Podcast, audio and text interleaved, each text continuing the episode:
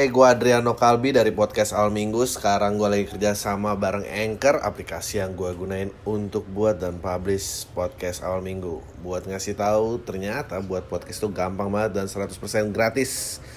Semua yang kita perluin untuk buat podcast juga ada di Anchor, termasuk distribusi ke Spotify dan platform podcast lainnya. Yuk, download aplikasi Anchor dan bikin podcast kamu segera. Halo semua, lagi dengerin podcast Al Minggu bareng gue Adriano Kalbi. Gimana kabarnya? Semoga lo semua baik-baik aja dan terhindar dari Omicron. Uh, katanya uh, by today katanya udah 35 ribu kasus. Uh, gue tau gue sering bilang Adriano Kalbi uh, belum kena belum sorry. Ternyata gue kemarin udah kena anjing lah. Uh, ya gue baru sembuh dari covid. Untungnya stok lumayan jadi nggak ada terputus konten putus konten karena sakit tuh alasan-alasan yang dibikin-bikin aja sebetulnya. Kalau manajemen konten lo bener, lu tuh nggak istirahat meskipun lu sakit. um, ya gue baru sembuh, uh, mungkin gue kena sekitar tanggal 22 gitu ya, 2 ya 23 lah, 23 Januari. Um, akhirnya sembuh pas Sinca. Tapi kok bang, kok lu nggak diposting gitu sih bang? Ya, karena gue nggak mau. Kalau masih mampu bayar sendiri mah ngapain ngepost lagi sakit? um, ya, gue juga tahu karena kayaknya doa-doa dari kalian nggak gitu ngaruh. Jadi buat apa di post-post nggak ada gunanya. jadi ya udah uh, kena aja. Uh, untungnya udah dua kali vaksin jadi nggak parah-parah banget. Cuma kayak flu, uh, badan pegel-pegel, pusing, demam uh, gue sih nggak batuk tapi uh, indera perasa hilang rasa asin semua. Tapi sekarang udah balik. 10 hari isoman eh ya negatif 9 hari isoman 10 hari. Uh, ya udah habis itu ya kembali lagi aktivitas seperti biasa. Uh, emang kayaknya uh, gue sih ngeliat di tempat-tempat drive thru dan tempat-tempat tes tuh semua penuh banget nih gara-gara covid So hopefully, hopefully, hopefully ini mutasi yang terakhir uh, karena dari yang gue tahu katanya setiap mereka virus bermutasi itu dia tidak semembunuh originalnya. Uh, hopefully ini yang terakhir jadi emang ya udah kalau emang harus tular-tularan ya dianggap kayak cacar aja ya lu kena and then ya basically 6 bulan lo aman kecuali ntar 6 bulan lagi ada mutasi apa gue juga nggak paham. Um, yang menyeramkan sih sebetulnya. Uh, hari ketiga hari keempat tuh buat gue uh, berat banget karena mulai mulai depresi mulai kayak mikirin oh dunia akan berakhir lo nggak ada harapan hidup nggak tahu besok tuh apa lalala uh, pikiran macam-macam lah. Tapi untungnya untungnya untungnya udah kelewatan. So here I am belum sampai alhamdulillah masih belum buka kita bisa. Karena ya udah ternyata gitu aja. Um, I don't know gue sih agak bingung kan. Gue kemarin sempat ada video Jokowi juga kata bilangnya isoman lima hari. Uh, ada yang anjurannya 10 hari 10 hari lah. Uh, tapi orang bilang ada yang mau mau negatif lagi tuh bisa nunggu sampai dua bulan tapi katanya kalau udah 10 hari nggak perlu lagi tes. Aku gue agak bingung sih sebetulnya kalau lu isoman 10 hari tapi masih positif tuh lu harus apa sebetulnya? Gua nggak tahu. Um, akhirnya yang terjadi sama gue sih gue tiap dua hari tuh begitu gue sehatan tuh gue tiap dua hari antigen aja antigen antigennya sampai akhirnya uh, dia negatif habis itu PCR lagi gitu. Uh, ya yeah, it's, it's I don't know. Um, ya mendingan mendingan kena sekarang aja lah. Mumpung ini varian dengan gejala paling ringan. Yang sebelumnya kan diare diare sebelumnya lagi sesak napas bisa meninggal sekarang ya. Ya udahlah flu aja gitu. Um, apakah Indonesia masuk lagi ke lockdown lagi? Gue rasa sih enggak ya karena di luar-luaran pertama karantina di luar negeri dari 7 jadi turun 5 tadi 10 7 7 jadi 5 uh, Inggris, Turki kayak udah cabut protokol semua. Uh, mungkin yang tua-tua doang. Ini masih bahaya buat yang tua-tua sih. Buat yang muda ini ya oke okay lah. Uh, so yeah, that's that, that's that. Hmm, depresinya sih gue gue nggak nggak nggak nyangka sih ternyata bisa berpikir segelap itu uh, ngeri uh, putus asa gue bingung juga gitu mungkin karena sakit kali mungkin kalau dikurung di rumah sehat-sehat aja kan padahal juga biasanya WFH gitu. Uh, ya oke-oke aja sih so, memang mental yang dihajarnya aja. Uh, bu episode minggu lalu gue ketemu Jordan happy banget anjing anaknya ya seru gitu. Uh, tapi gue juga ngerasa kayak anjing itu dunia yang sangat beda banget gitu beda banget sama uh, kita eh kita kita maksudnya gue gue generasi tua gue um, gue uh, ya dating life dan interaksi sama stranger tuh dulu sih nggak ada platformnya ya. sekarang kebuka kayak gitu ini gue Uh, tapi ada positifnya juga kayak di Omegle tuh dia platform chat chat roulette gitu. Ini ada orang yang ketemu kembarannya terpisah dari lahir karena mirip banget sampai senyumnya juga ini lalala. Good. Tapi yang sadis sama Omegle tuh adalah uh, semua orang tuh emang gue selalu berpendapat semakin banyak aspek dari diri orang lain yang menjadi misteri gitu. Jadi misalnya Uh, kalau itu tahu suara doang nggak tahu mukanya atau uh, tahu chattingannya nggak tahu suaranya atau kelihatan mukanya tapi lu nggak interaksi langsung maksudnya ada, part-part jadi misteri di kita tuh kayak jadinya lu kayak fill in the blanks gitu dia orangnya kayak apa gitu. Lalu di oh my god sih yang sebel kayak semua orang ya nampilin kelamin gitu ya nungguin orang aja disconnect disconnect dan lo berjam-jam gitu. Gue kemarin ngobrol juga sama Jordan dia kayak ya itu tuh rekamannya 4 jam gitu wow. Dia yang nyari konten yang cuma mamer kelamin tuh gue ngapain tahu fungsinya di situ. Uh, oleh nol tuh gue gue bilang gue betap gue bersyukur banget gue um, I, I got ya gue udah keluar got my life sorted out gitu dan umur gue juga udah tua um, nggak terperangkap dalam dunia itu. Gue nggak kebayang kalau terperangkap dalam dunia itu gitu.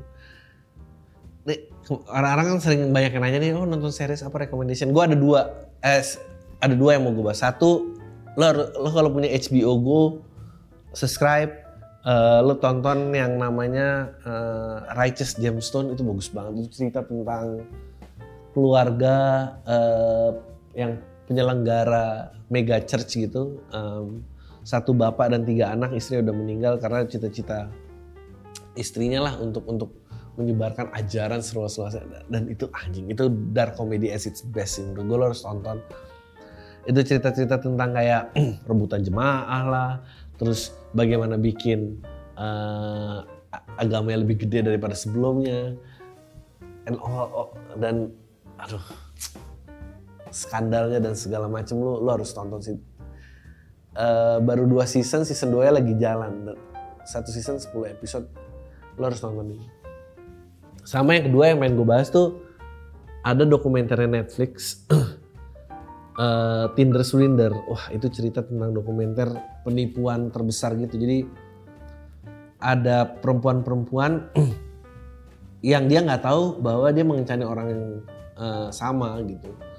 Uh, ceritanya dia tentang si dia bilangnya dia ngakunya gue am the prince of diamond gitu dia gue keluarga gue uh, itu uh, punya berlian tambang berlian di mana-mana uh, bapaknya dijuluki king of diamond makanya dia prince of diamond.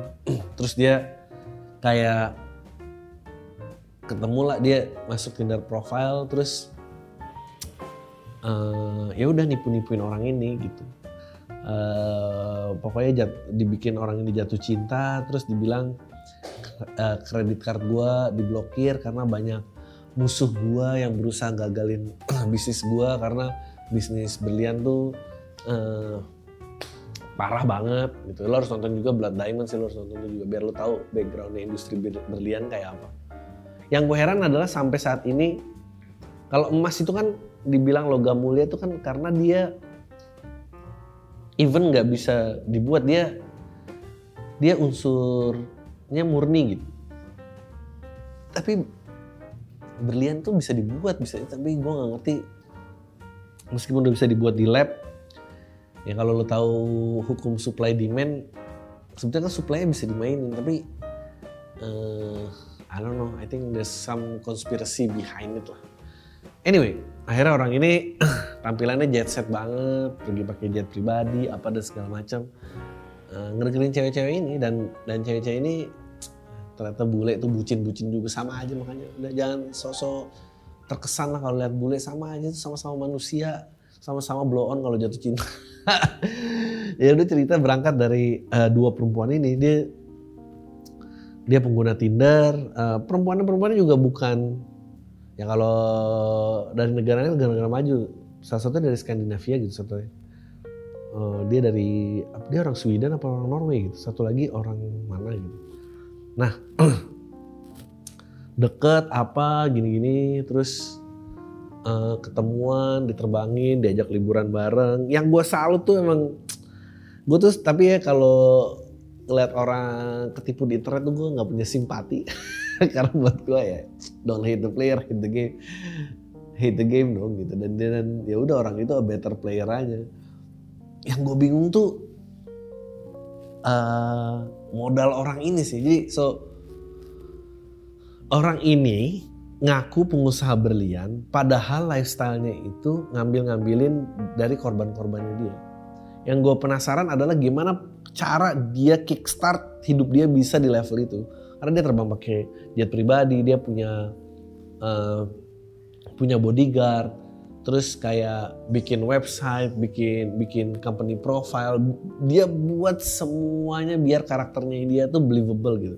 Lalu dia ngedeketin orang uh, match di Tinder diajak ketemuan eh ketemu gue di hotel ini ah ketemu selalu hotel-hotel ma mahal sampai akhirnya diajak liburan apa diajak pacaran and then modusnya adalah begitu dia berbisnis di luar negeri dia bilang kredit kartu dia mulai di decline oh enggak dia bilang bahwa dia akan posting bahwa dia uh, ada yang mau ngejahatin gue uh, lawan ini dan uh, ngikutin gue bergerak berdasarkan kredit card transaction gue. Abis itu dia minta tolong nggak? Lo mungkin nggak?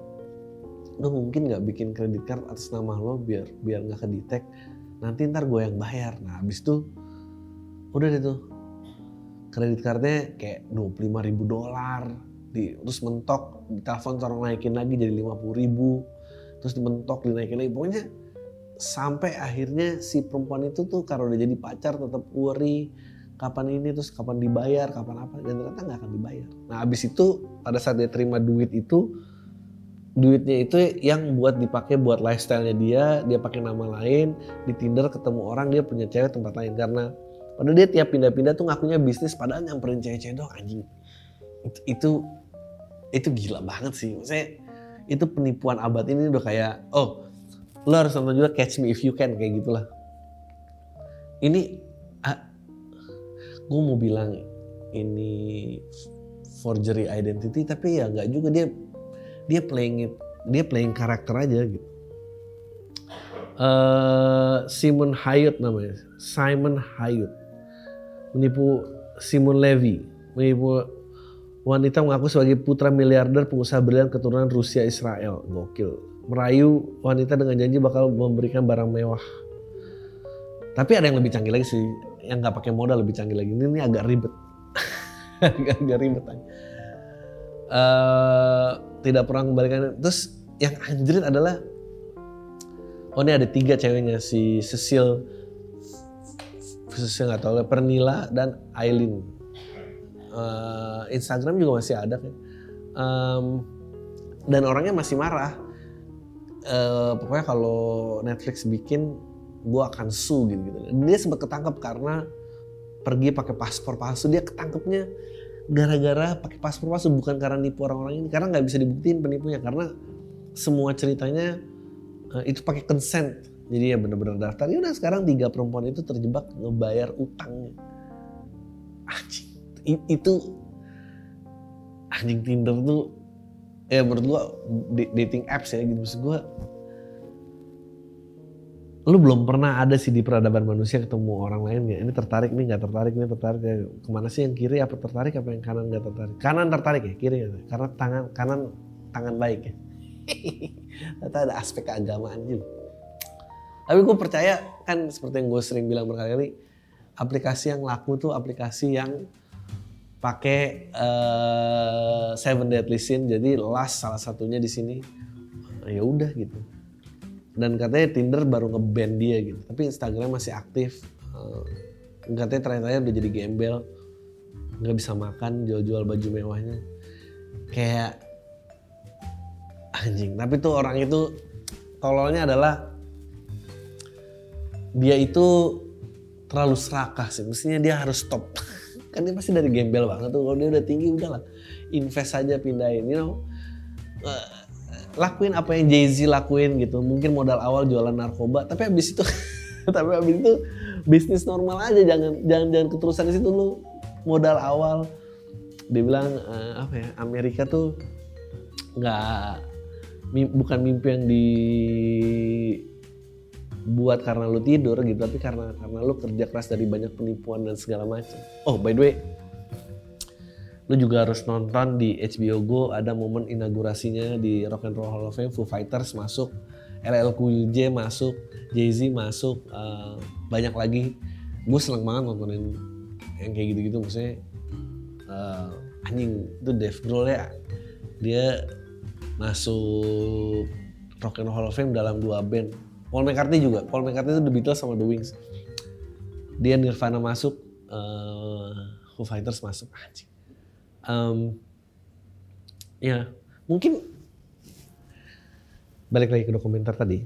Mungkin emang gitu kali ya kayak uh, hasrat untuk menjadi kaya tuh sekarang menjadi instan banget gitu. Padahal, you know, dulu sih kaya tuh sesuatu yang out of reach gitu, bukan sesuatu yang bisa lo ambil gitu aja gitu mau terlalu banyak uh, cara cara untuk kayaknya terlalu banyak oleh karena itu cara menipunya juga makin banyak um, robot trading lah uh, fixed income dari asura uh, dari investment lah pokoknya kalau lu nggak trading sendiri menurut gue most likely itu scam sih. Tapi ya, you know, I guess karena medium untuk flexingnya sih, medium untuk flexing juga makin banyak. Jadi kayaknya ya di mana-mana lu bisa uh, ketipu atau buat tipu orang dan ada orang-orang kayak si Simon Levy ini.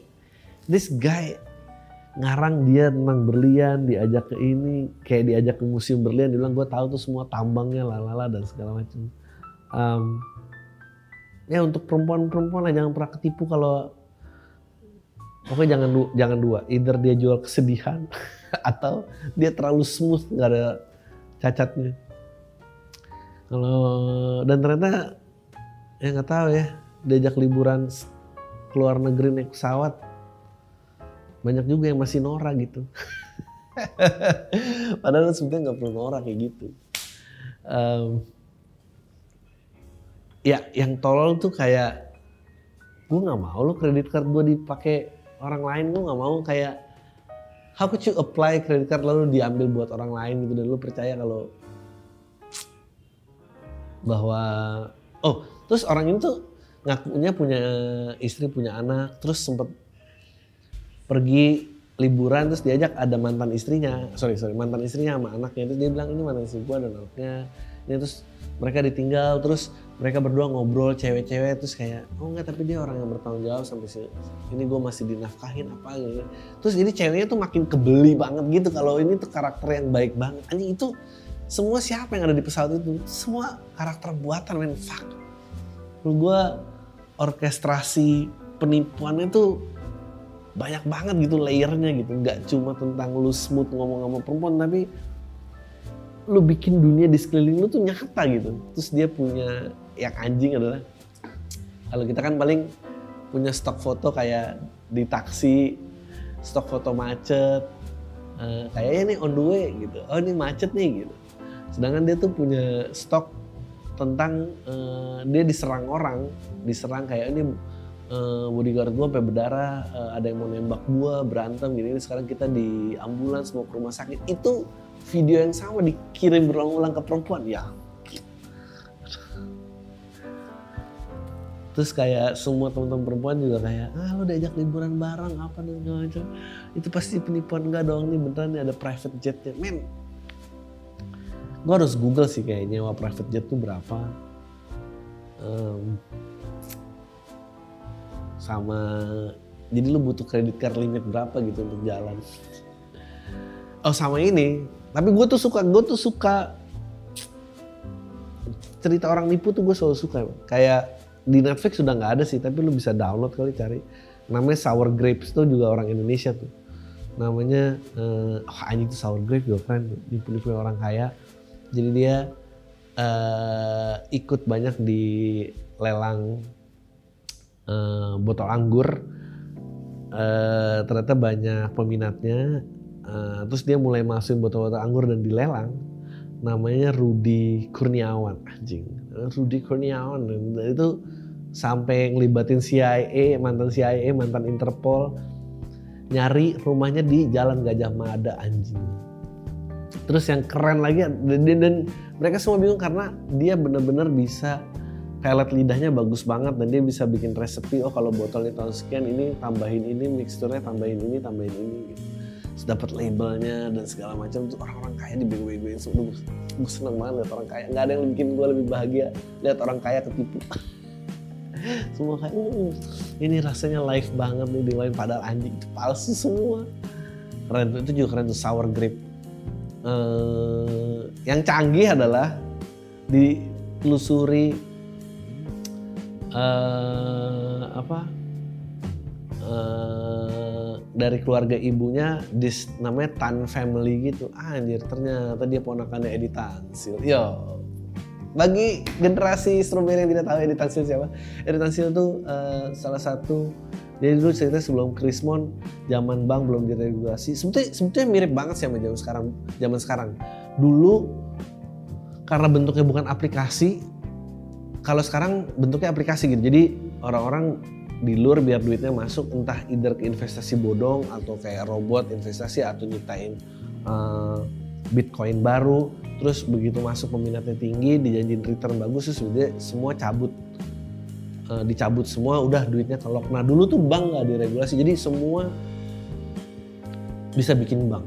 Terus uh, belum ada tuh OJK jadi bunga deposito bunga apa ya tuh wah enak-enak. Akhirnya kan semua orang percaya abang nggak mungkin lah nipu masukin duit banyak ini ini uh, akhirnya dari bank apa ya gue lupa bank cahaya pembangunan apa gue lupa si orang si Edi Tansil ini ngambil tiga setengah triliun. Itu tahun 9 I think 97 atau 98 tiga setengah triliun zaman itu. Gede banget ya. gue rasa sih orangnya juga masih hidup. Maksudnya dia pasti dapat supply dari situ. Aci itu orang mau narik cash duit di ATM nggak bisa. Ya udah udah hilang aja gitu. Memang if you if you rich and you're getting if you and you try to get richer gitu. Lah emang harus hati-hati sih. Agresivitas di situ sih emang mental tuh uh, diuji gitu. Kayak duit segini cukup apa enggak? Apa lo mau lebih gedein lagi gitu? Dan lu push caranya segede-gede. Karena apalagi lu kalau ketemu suatu format gitu atau yang bikin lu kasih lu kepastian lu pasti maunya di situ aja. Karena yang lain itu risky. Tapi ya ya gitulah. So watch it uh, so apalagi tadi gue ulang?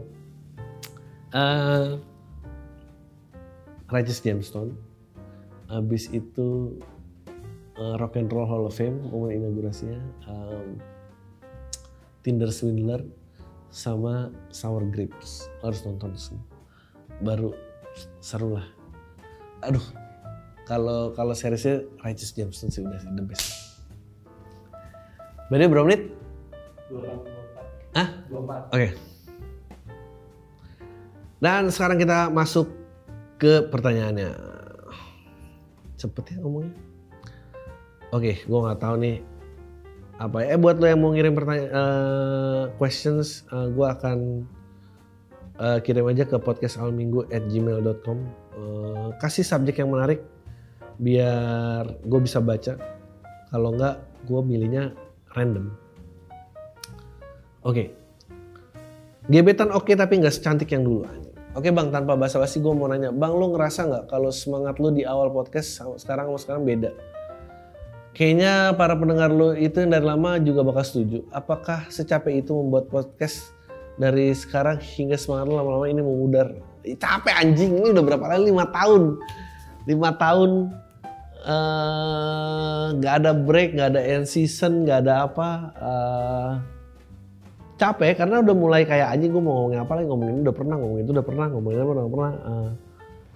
Eh gue Adriano Kalbi dari podcast Al Minggu. Sekarang gue lagi kerja sama bareng Anchor Aplikasi yang gue gunain untuk buat dan publish podcast Al Minggu. Buat ngasih tahu ternyata buat podcast itu gampang banget dan 100% gratis. Semua yang kita perluin untuk buat podcast juga ada di Anchor termasuk distribusi ke Spotify dan platform podcast lainnya. Yuk download aplikasi Anchor dan bikin podcast kamu segera. Ya, tapi ya gue harus lakukan demi eksis di dunia entertainment. Mau gimana? ah, ya keinesenan untuk membuat konten juga menghilang. Mungkin gue juga bentar lagi harus harus apa istilahnya ngambil pivot ke tempat lain dan sebagainya. I, I, I don't know uh, ini konten yang paling sebetulnya gue paling nyaman um, gue tuh nge-stitch TikTok nggak tahu caranya gimana. Atau mau joget ah, nggak tahu gue oh iya. Uh, bang lo bebas responnya gimana sejujurnya mantan gue yang 2019 lalu putusnya baru aja Uta kami beda pulau dan provinsi. Terus waktu Uta gue beliin dia hadiah. Gue ngirim juga tiba-tiba menurut lu gue gue goblok kan ngasih hadiah ke mantan tapi dianya nggak peduli sama gue bahkan ngucapin utah ke gue aja nggak. Di mana jarak utah kami coba beda 10 hari. Di mana gue duluan dari utah dia. Ya goblok sih. Lagi juga udah tahu udah tahu putus. Ngapain sih? Ngasih ngirim kado. Aduh ngirim kado is the worst man. Jadian aja bingung mau ngasih kado apa. Udah putus lagi. Rajin banget. Creepy tau Nah, nah ini pertanyaannya sesuai subjek. Jadi gue deket sama cewek bang, udah jalan dua bulan cewek ini kuliah di salah satu universitas di provinsi gue. Tapi gue bukan tipe intens chatan atau jalan gitu. Terus berapa kali jalan sama dia lancar-lancarnya tapi nggak sampai check in having HS gitu ya. Kayak pendengar-pendengar abang, masih biasa aja lah. Nah gini bang, dia ini cewek yang masih baik, enak diajak ngobrol, terus anaknya nggak neko-neko. Tapi ada sedikit masalah bang, mukanya nggak secantik mantan gue. Ya, gebetan gue sebelumnya kalau nggak secantik yang dulu tuh bukan dia dulu, tapi dulu sama orang lain goblok. Gue pernah pacaran, gebetan gue sebelumnya, gue pernah pacaran sama pramugari, pernah juga sama resepsionis hotel yang abang tau lah speknya gimana. Anjing, spek apa gue nggak tahu. Ada spek ya. Goblok. Uh, kadang gue bingung yang kayak gue bisa dapetin modal gitu makanya gue bingung mau lanjut sama ini cewek kadang terhenti dan terkomparasi sendiri dengan mantan-mantan gebetan gue gimana bangset nggak bang? Jadi bagusnya gimana? Anjing. Tapi lo masih ngadain mantan lo jadi gunanya apa? Bagus resume. Mungkin mungkin kalau lo kalau speknya nggak setinggi itu mungkin lo nggak ngasih ngadoin mantan lo. Jadi mendingan turun spek tapi mental lebih sehat gitu. Buat buat apa? Anjing pakai spek. Buat apa cari spek yang di luar jangkauan gitu. Kalau emang cuma cuma bikin kepikiran doang buat apa? Nggak usah lah. Buang aja. Tidak enaknya berjudi di Indonesia. Ya, oke. Okay. Cerita ini dimulai saat gue SMP tahun 2012. Gue adalah laki-laki yang lahir dan besar di Pulau Bali. Pada zaman itu lagi hype banget warnet. Game online saat itu gue sering banget main ke warnet. Dari pulang sekolah jam 12, terus pulang jam 6 buat mandi makan dan sholat maghrib oh, minoritas di Bali ya. Uh, terus kadang jam 7 balik ke warnet lagi rutinitas gue gitu doang sehari-hari. Sampai udah kenal banget sama orang-orang warnet sana dari operator sampai yang punya warnet. Oh ya pelanggan warnet itu berbagai macam dari ada yang kuli kuli proyek sama mandernya supir taksi pelajar dan pelajar. Suatu ketika di warnet itu hype judi online poker yang di yang diinfluence oleh owner warnetnya. Awalnya gue nggak gitu peduli sampai suatu ketika anak-anak warnet itu dibeliin makan sama salah satu orang yang menang judi. Habis itu jadi kayak tradisi gitu kalau menang pada beliin anak-anak di warnet entah makan atau minuman. Hype judi online ini lumayan lama bang. karena banyak yang menang dari cuma dapat receh sampai ada yang dapat jackpot 25 juta. By the way yang menang jackpot 25 juta modalnya cuma main kecil mulu 25 ribu doang deponya dan doi udah berumur kayak 50-an. Jadi menurut gua lucknya lancar karena closer to death pas doi menang 25 juta banyak yang iri yang lain modalnya nggak gede-gede. Terlihat makin ramai si pemain judi online di warnet it- itu si owner berinisiatif untuk membuat judi itu secara offline gokil. Dia niat beli chip poker dan kartunya awalnya o- owner tersebut menjadi dealer yang bagian kartu, tapi setelah beberapa hari si owner bosan jadi dealer dan ingin ikutan berjudi. Karena semuanya ingin ber- ikut berjudi dan gak ada yang mau jadi dealer, dicarilah dealer dari anak-anak warnet yang dipilih itu gua. Enakan jadi dealer dong. Tapi kalau poker kan nggak ada dealernya, maksudnya wasit nggak ikutan. Oh cuma buat ngedil doang. Kecuali blackjack, blackjack yang gue tau banyaknya tentang judi. Eh, ternyata enak juga jadi dealer nggak keluarin uang tapi dikasih uang kalau ada penjudi yang menang dikasih tips gitu. Berjalanlah kegiatan ilegal itu selama beberapa pekan sampai suatu saat warnet jadi rada sepi karena pada sibuk ada yang mencari SMA ada yang mencari kuliah jadinya gua dan tonton gua nggak ada gua nggak ada yang ke warnet selama kurang lebih 2-3 bulan. Tiba-tiba dapat kamar kabar kalau warnetnya digerebek Satpol PP karena perjudian tersebut. Nah, untungnya gue udah nggak di situ. Setelah kabar itu warnetnya tutup dan sempat comeback 2015 tapi tidak bertahan lama. Long story short, bertemu dengan 2020 pandemi dan lain-lain, muncullah hype judi online dengan versi slot. Gue sama tonton warnet yang lama masih temenan di Facebook. Jadi ngeliat update-updateannya. Pada rame pamer untung, kadang gede, kadang kecil. Kadang update story galau, berarti kalah.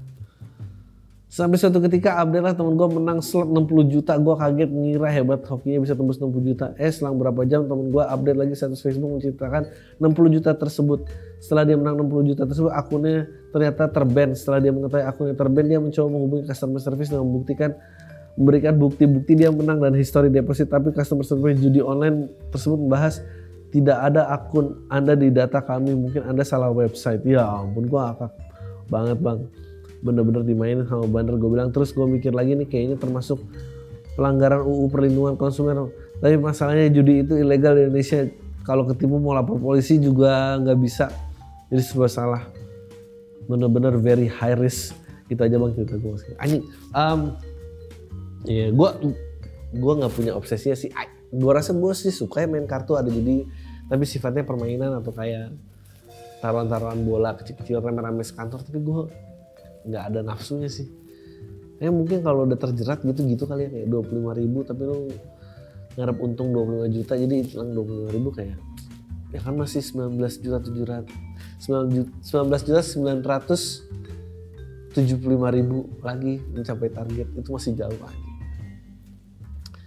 Ya gitulah. Oke terobsesi dengan pria berseragam oke. Usah sebut nama ya gue cewek dan punya adik cowok yang berseragam. Anjing. Men tapi kan ini adik lo yang berseragam. Tuh lu tuh kenapa sih? Ini cerita saat adik gue masih pendidikan dan ada cewek yang terobsesi sama dia beberapa tahun yang lalu. Gue baru tahu ad, oh ada cewek lain. Gue kira kakaknya sendiri. Dek coba dong pakai seragam. Jijik banget. Gue baru tahu ada yang sampai bikin tutorial mendapatkan pacar berseragam belum lama ini jadi tergelitik buat menceritakan pengalaman keluarga kami menghadapi cewek seperti ini. Tujuan gue cerita adalah mengedukasi cewek-cewek di luar sana yang mengincar cowok berseragam maupun tidak agar tahu batasan yang normal dalam mengejar cinta. Oke, mari kita mulai. Dia bilang, mari kita mulai. Adik gue sebelumnya jarang banget cerita soal percintaannya, tapi kita keluarga tahu bahwa percintaannya, eh, jarang banget, tapi kita tahu bahwa selama SMA dia punya pacar gue pernah ketemu ceweknya sekali FYI gue merantau ke luar kota. Nah gue sendiri nggak tahu secara pasti kapan dia putus sama pacarnya semasa SMA-nya tapi yang jelas saat adik gue masuk pendidikan mereka sudah putus. Fast forward beberapa tahun kemudian ayah kami meninggal. Pada saat itu mantan pacar adik gue datang bersama teman-teman SMA yang lain. Tentu kami sekeluarga menerima dengan baik dan berterima kasih karena ikut hadir dan mendoakan almarhum ayah kami setelah beramal-tama mereka pun berpamitan pulang. Nah ada satu cewek bukan mantan adik gue tidak ikut pulang. Awalnya kita pikir mungkin dia nunggu ojol atau jemputan. Jadi kita tidak menghiraukan apalagi saat itu ada banyak tamu lain yang berdatangan.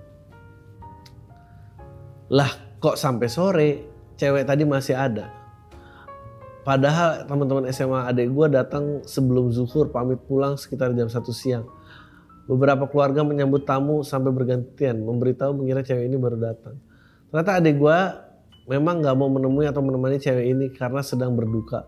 Hal ini tidak kami hiraukan. Cewek ini akhirnya pulang menjelang maghrib. So weird Berapa bulan kemudian, alhamdulillah gue wisuda dan ya pasti upload story di Instagram lah ya.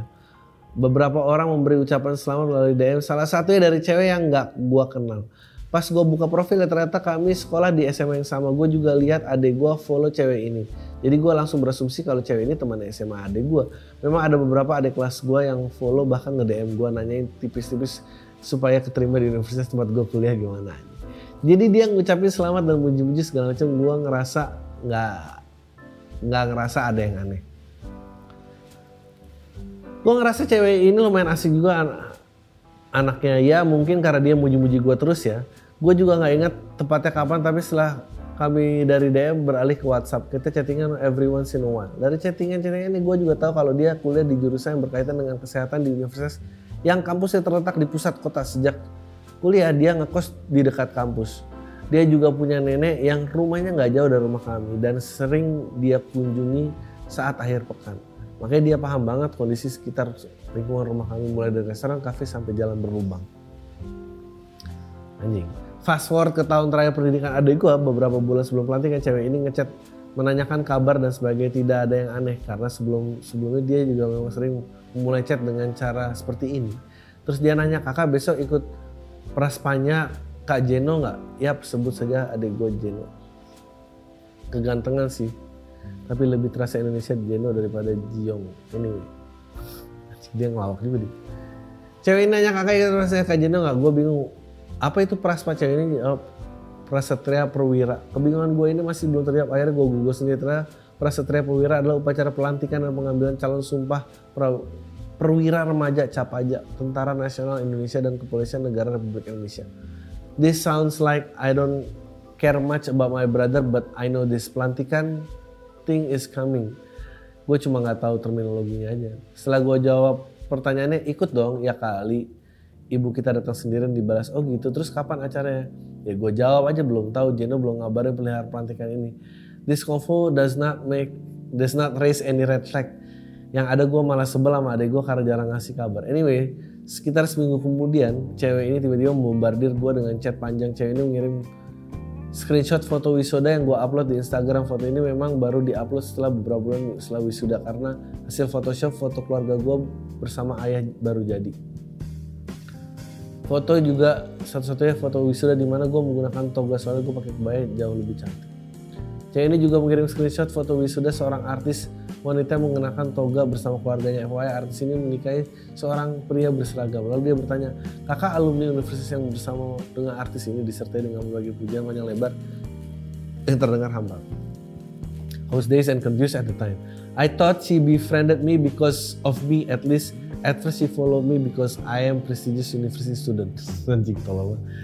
But then she sent me this screenshot. All I can think of this moment, the Sweet Home Alabama memes.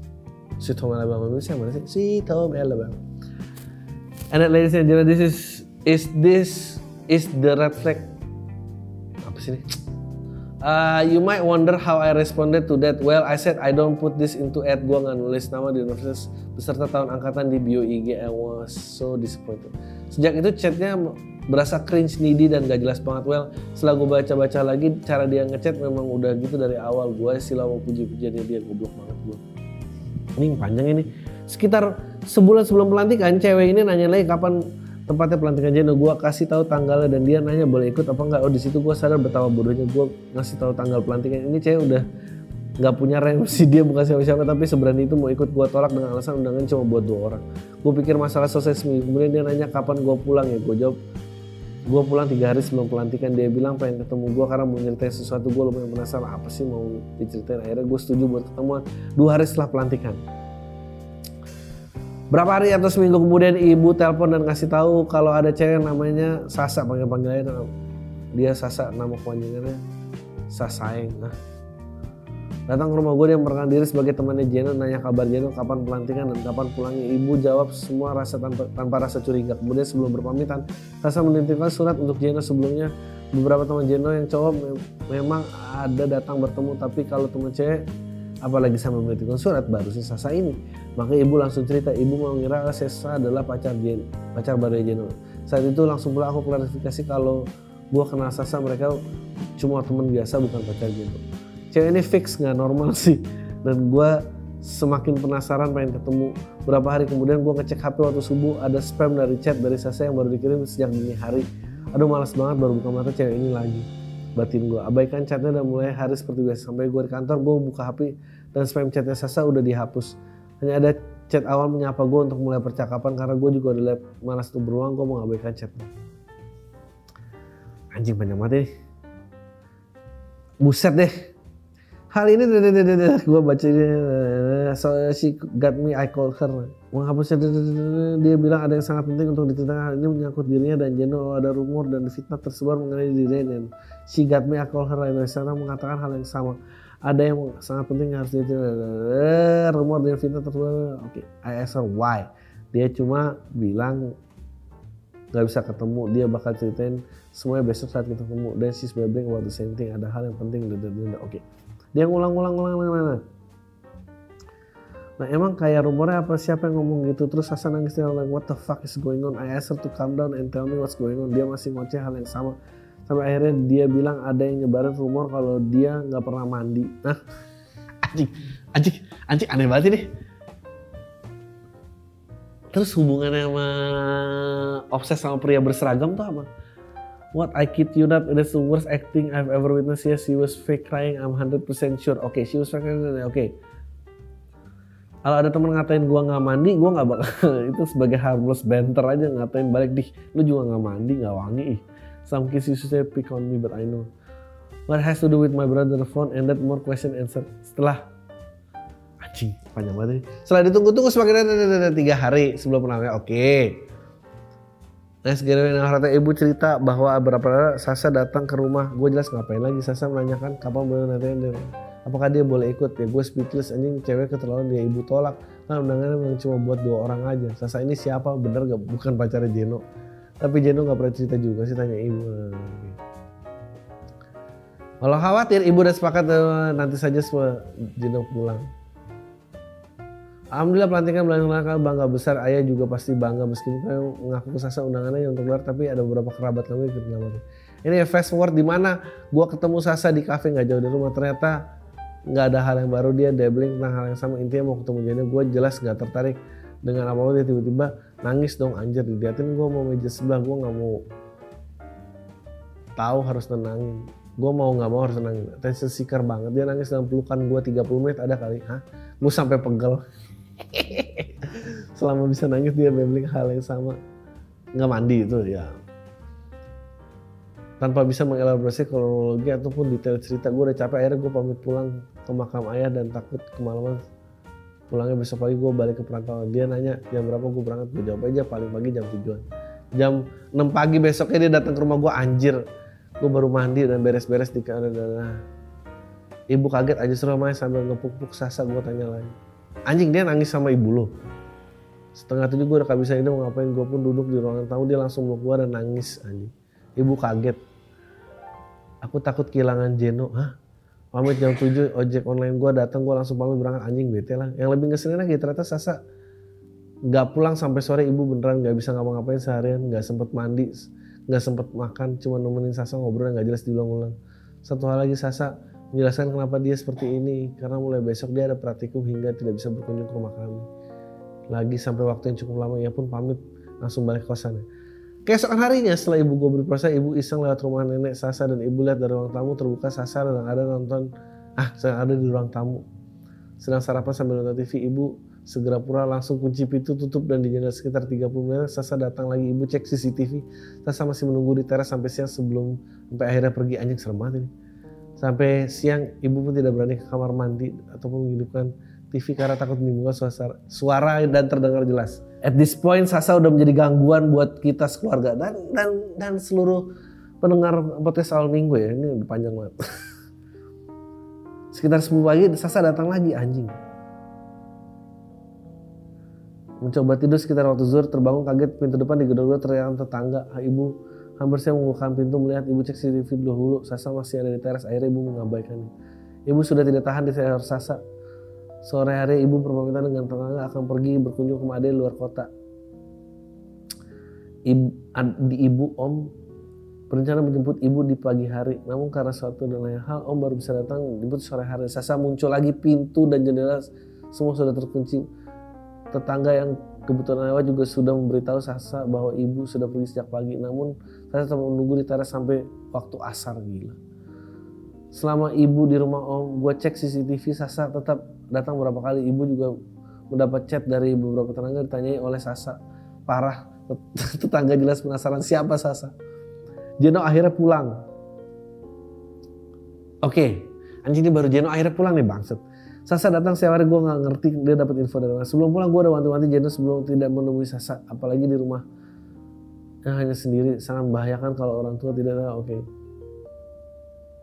Jam 5 pagi pintu rumah gue digedor dan teriakan Jeno Jeno. Anjing jam 5 pagi. Kenapa kalau cowok Bing creepy itu ditangkap kalau perempuan enggak? ini mesti ditangkap nih. Anjing gue kaget langsung kebangun sekitar gue capek baliknya Jeno ada di kamar dan gue langsung anjing teriak gue langsung kebangun sekitar juga rasa capek gue di balik sama Jeno yang ada di pintu kamar gue langsung teriak for fuck's sake gue sih gue kesal. We stay quiet for long 5 minutes sampai Sasa berhenti gedor-gedor jendela dan teriakin nama Jeno. Sasa duduk di teras sampai jam 9an. Selama itu pula gue gak berani nyalain kompor buat bikin sarapan. Sore hari ya gue pengen makan somai deket SMA ya udah jalan beli bungkus pulang pas udah deket rumah gue ngeliatin rumah saya lagi langsung jalan menuju rumah gue gue langsung tancap gas anjing udah tahu sampai pemakaman ayah ya udah gue parkir motor di pemakaman nggak tahu ngapain di situ. Ya udah gue makan somai di situ. Saking nggak bisa pulang makan somai di pemakaman anjing ini creepy banget sih.